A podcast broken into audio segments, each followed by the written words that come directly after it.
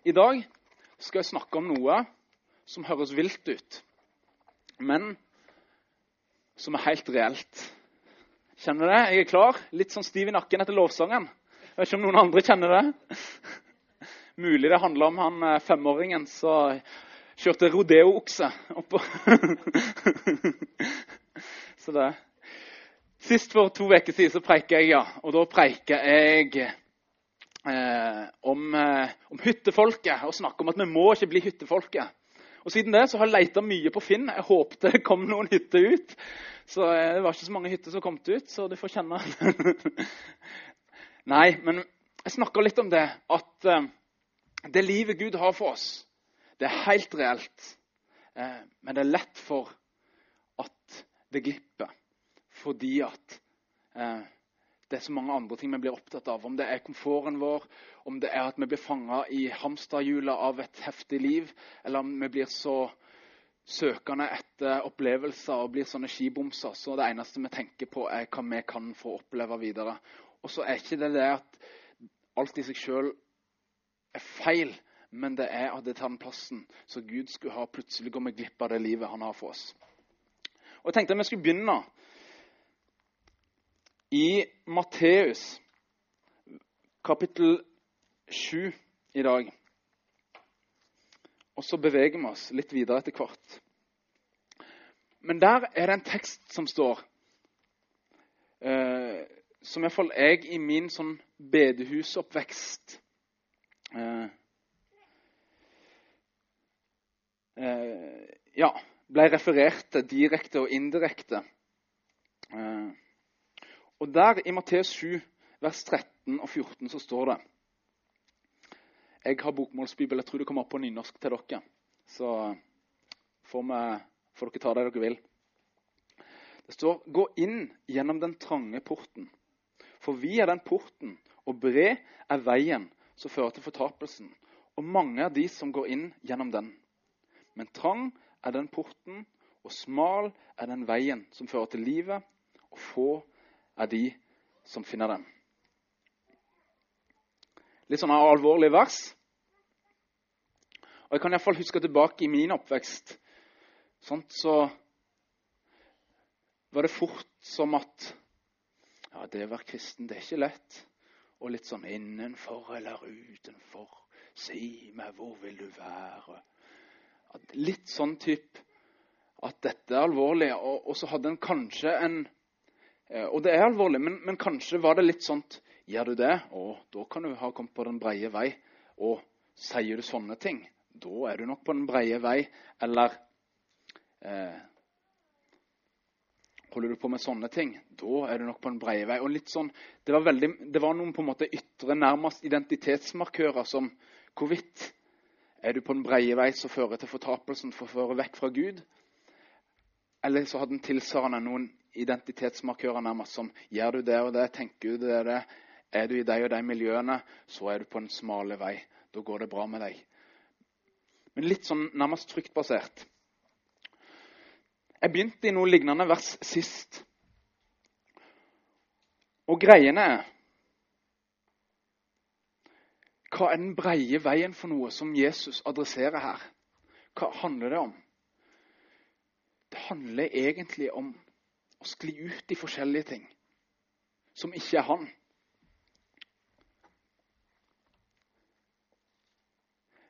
Det er så lett for å havne ut i et liv der han i liten grad er til stede. Enten fordi en ignorerer det, eller fordi at en bare sklir ut i det av et eller annet vis.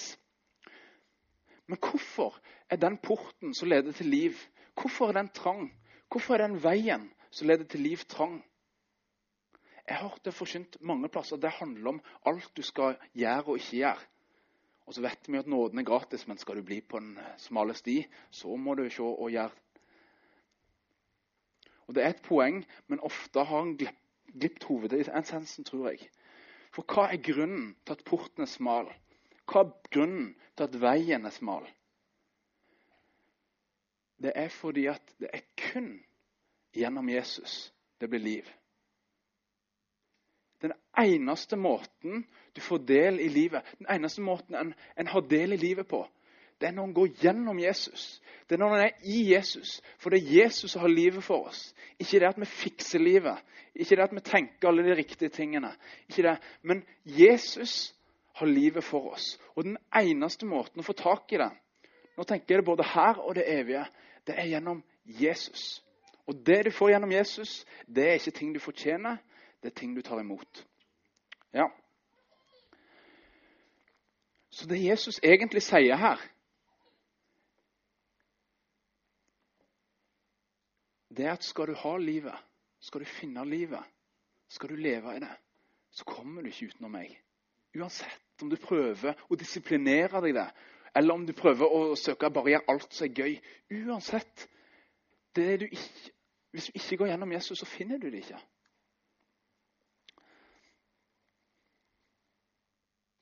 Men hva er et liv i Jesus, da?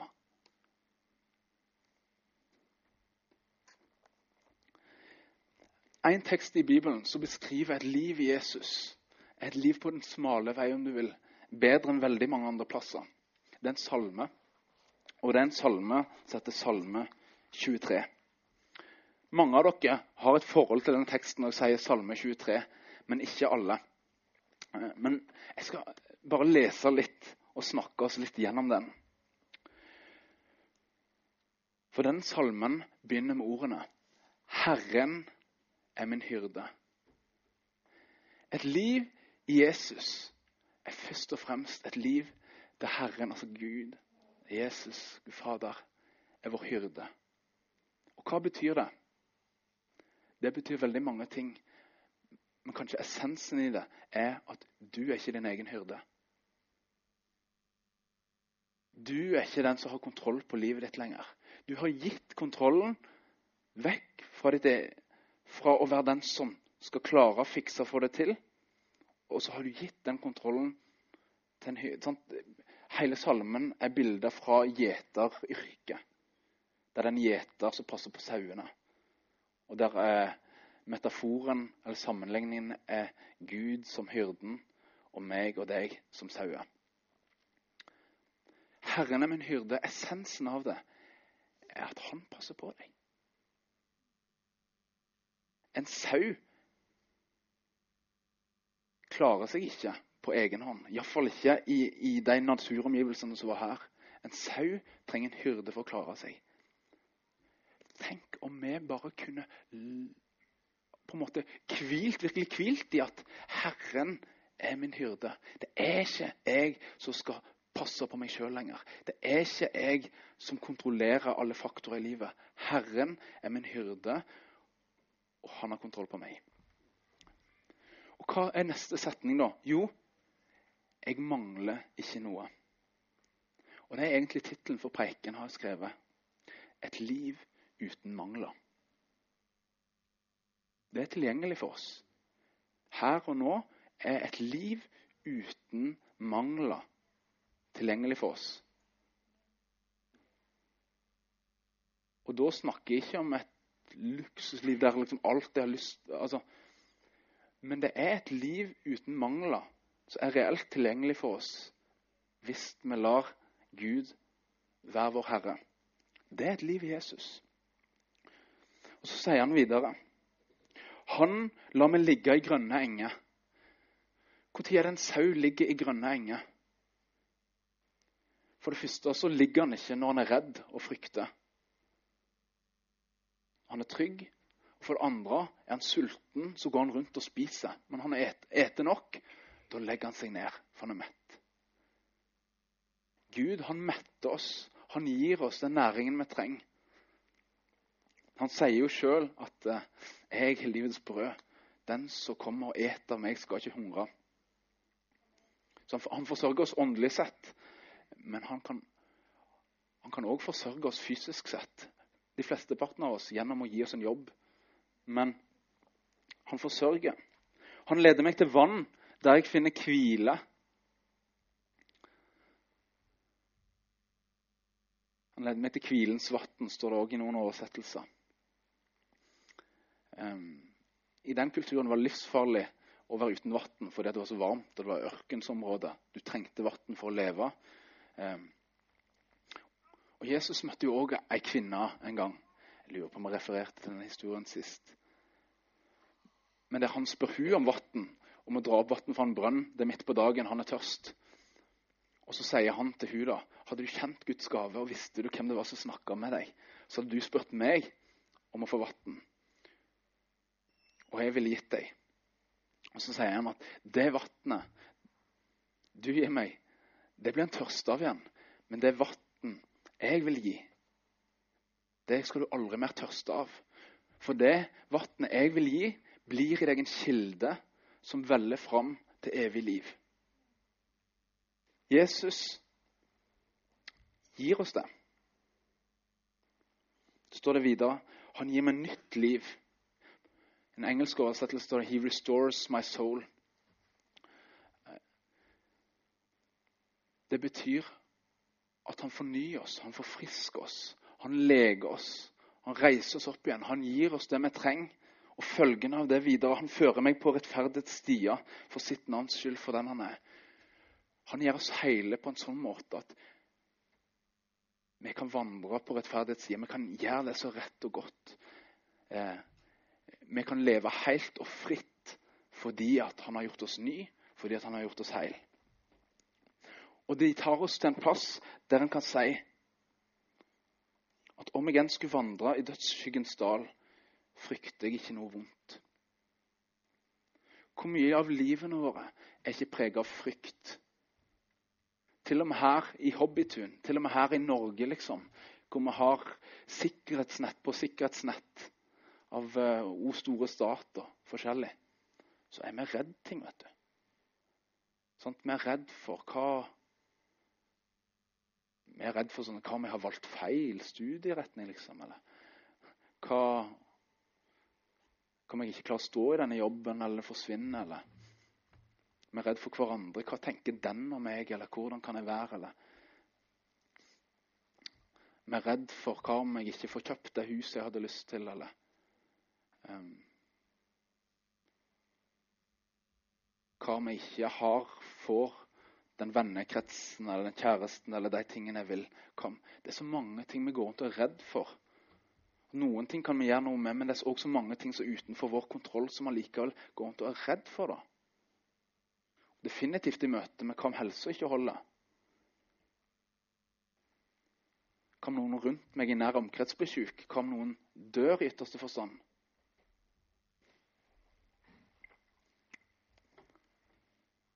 Det er mulig å leve et liv uten frykt. Det er mulig, ikke en sånn uten frykt som betyr at du ikke jeg holdt på å si sunn frykt for at du ikke går på line over 1000 meter. på en måte, men, men, det er mulig å leve et liv der de, de ukontrollerende faktorene at ikke de blir et styrende element i livet. Jesus levde et liv uten frykt. Og han har lyst til å ta oss inn i det hvis vi våger. Men det betyr at vi oppgir kontroll. da. Det betyr at vi lar han være hyrde.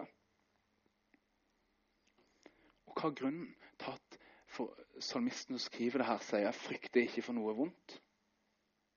Det er egentlig verset som kommer etter. For du er med meg. Det er så enkelt. Gud er med deg.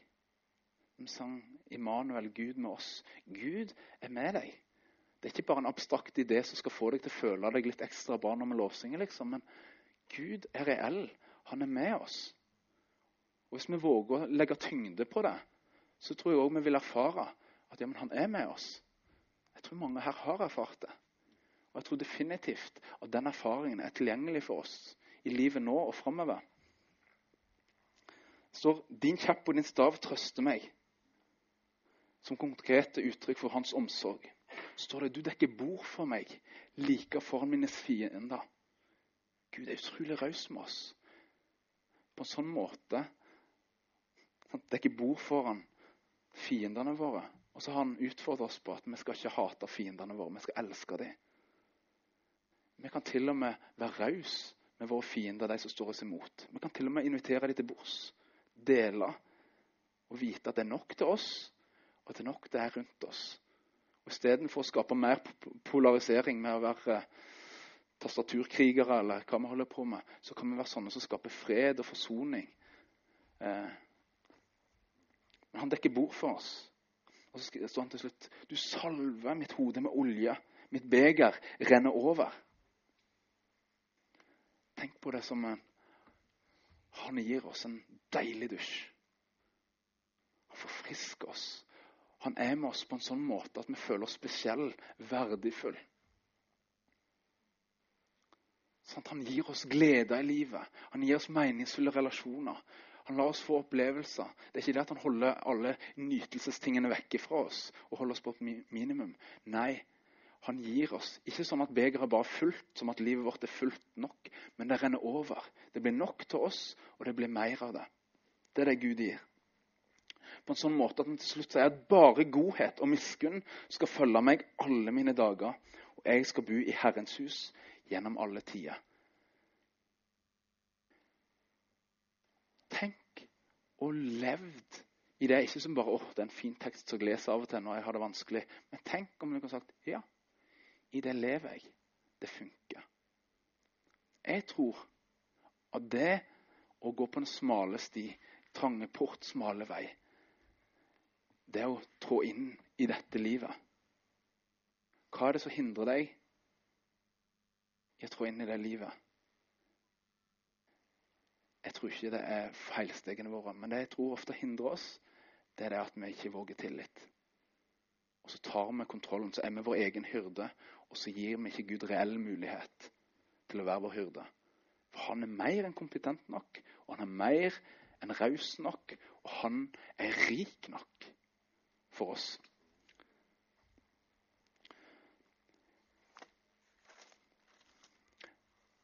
En siste historie eh, jeg skal dele, som har egentlig rørt skikkelig med meg i forberedelsene. Så jeg tenker et eksempel på det her, da. Det står i første kongebok 17, og det står om en profet, en gudsmann, som heter Elias, som på sett og vis var Guds representant på, på jorda. da. Um, det var en tid i Israel i Midtøsten der det var eh, tørke. Det var ekstremt tørt. Eh, og Elia var en gudsmann, så Gud hadde forsørga på sett og vis. Han hadde ledet ham til en bekk hvor det var ravner og forskjellig som hadde kommet med mat til ham. Men så var bekken tørka ut. Det var veldig tørt. Og så sier Gud til Elia Gå straks av sted til Sarepta, søre til Sidon, og slå deg ned der. Det er en by i et annet land. På den tida var Gud på en måte Israels gud, og det var på en måte israelfolkene brydde seg om. Men så sier han gå til Sarepta, eh, en by eller landsby i et annet land som heter Sidon. Og Der står det jeg har befalt ei enke som bor der, å sørge for deg. Egentlig ganske merkelig.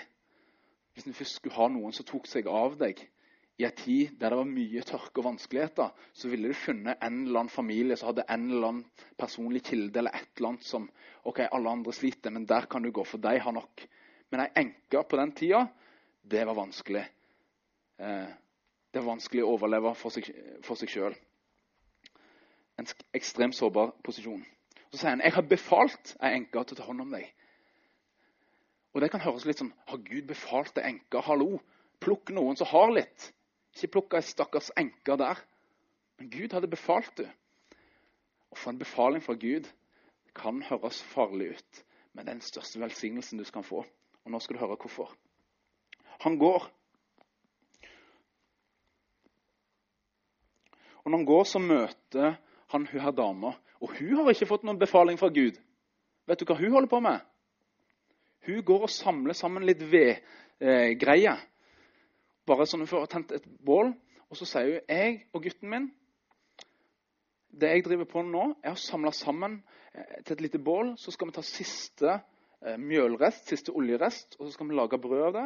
Og når vi eter det, da skal vi legge oss ned for å dø.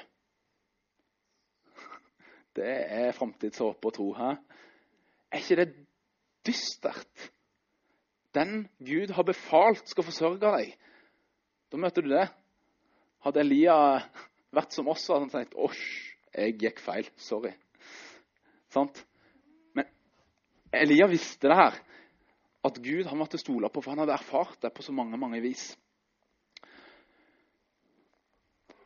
Men det han sier til, først sier han til henne ikke vær redd. Så ofte sier Gud i møte med oss mennesker gjennom Bibelen, og jeg tror i møte med deg og meg, ikke vær redd. Fordi at vi prøver å kontrollere livet, vi prøver å gjøre det godt for oss og de rundt oss. Og så sliter vi med det, og så blir vi redde. Og så kommer Gud kanskje og utfordrer oss enda mer, og da blir vi i alle fall redde. Fordi at vi tror hadde jeg ikke kontrollen til nå, så har jeg i alle fall mista kontrollen når den utfordringen kommer. eller sånt. Men han sier 'ikke vær redd'. Og så sier han du skal først gå hjem og så skal du bake en liten sånn brødleif til meg. Og komme og gi meg den. Det er Gud i en nøtteskall. Han kommer til oss og ber om noe mer enn vi kan klare. Og så sier, kommer han ikke først med 'Her er alt dere trenger. Nå kan du sette i gang'. Nei, begynn med det lille du har, så antakeligvis ikke nok til deg sjøl engang. Og og så kommer løftet etterpå, da. For så sier Herren Israels Gud, melkrukken skal ikke bli tom, og det skal ikke mangle olje i mugga til den dagen kommer når Herren sender regn over jorden. Hun får en oppgave av Gud å utfordres på ta det lille du har. På en måte Gud, sånn Jesus sier en gang at det er lettere for uh, en fattig å komme inn i Guds rike enn en rik. Hvorfor? For skal du inn i Guds rike, så må du slippe kontrollen. Og har du mye, så føles det ut som et stort tap. Har du lite, er det en liten brødleiv, så OK. Om hun og gutten fikk det eller ikke, de var nå på vei til å dø allikevel. på en måte. Det var, det var ikke all verden. Men først gjør det. Og så skal ikke det mangle mjøl i krukka di, og olje skal det heller ikke mangle. Og dama her får tro. Hun går tilbake til Elia og merker at det er mer igjen. Og neste dag det er mer igjen. Og neste dag det er mer igjen. Og det du ser at Hun som fikk befaling om å gi det lille hun hadde for å forsørge han gudsmannen, hun opplevde å få en god del på kjøpet.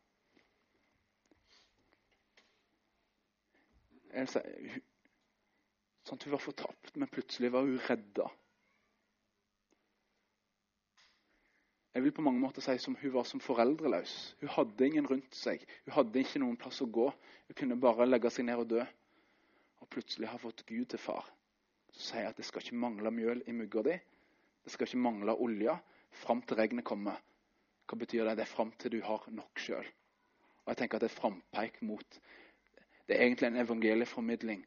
At på samme måte som Elia Guds representant kommer inn i livet til denne her dama og sier du skal hjelpe meg. Men hun som egentlig får hjelp, det er jo hun. Alle får hjelp fra det. Det er vinn-vinn. er typisk Gud. Men på samme måte er det frampekt til oss. Vi er på, på, et eller annet vis så er vi òg der at vi har ikke alt vi trenger. Kanskje vi kan klare oss greit i dette livet, men for et rikt liv her og nå, og i alle fall for å leve det evige livet, så har vi det ikke. Men på samme måte som Elia kommer inn i livet hennes, kommer Gud inn i livet vårt og utfordrer oss på å gi det vi har. Om det som egentlig skjer, at vi får alt det han er. Og det varer helt fram til regnet kommer. Det varer helt fram eh, til den nye verden kommer, der alt er helt, der ingenting er ødelagt. Og Hun går fra å være et foreldreløst barn til å bli et Guds barn. Og hun lærer seg at hun trenger ikke ta hånd om seg sjøl lenger fordi hun har en far i himmelen som gjør det. Litt senere i historien så dør sønnen hennes, og så kommer liksom Var dette takken, liksom? At du skulle komme og hjelpe meg bare for at sønnen min skulle dø om litt? Og så får fara til og med at Elia med Guds kraft får vekka sønnen til live igjen. Kraftig.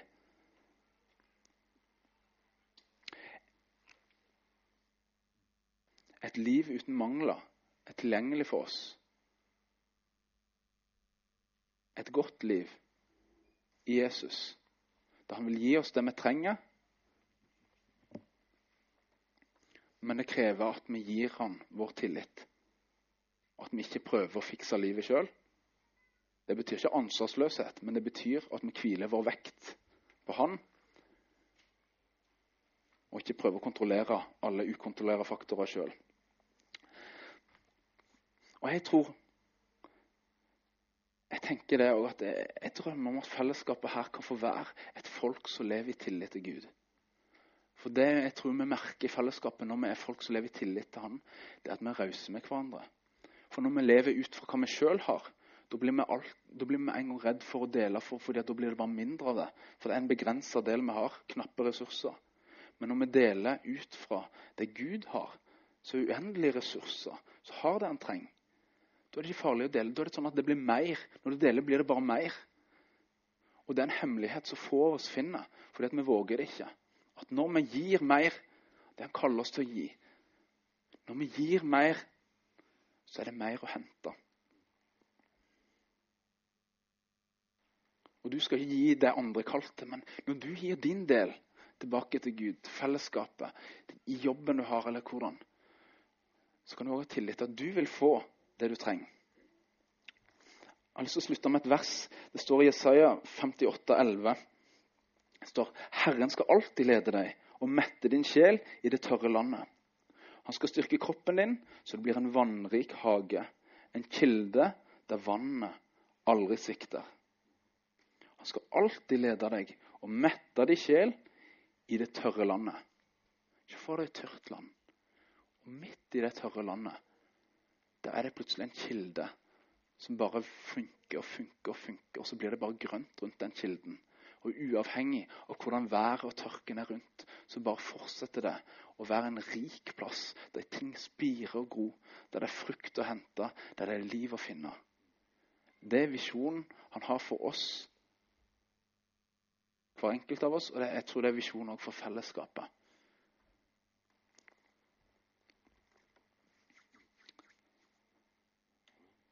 Ja. Jeg tror vi gir oss der, Tom. Nå skal vi feire nattverd sammen. Og vi skal òg få tid til å låsinga og gjerne respondere der. Men jeg tenker at nattverden er for alle som trenger det Jesus er. Og Det er en fantastisk plass å komme og gi over kontrollen. Om det er ressurser vi sier Gud, jeg har prøvd å styre pengebanken her. Jeg gir det til deg.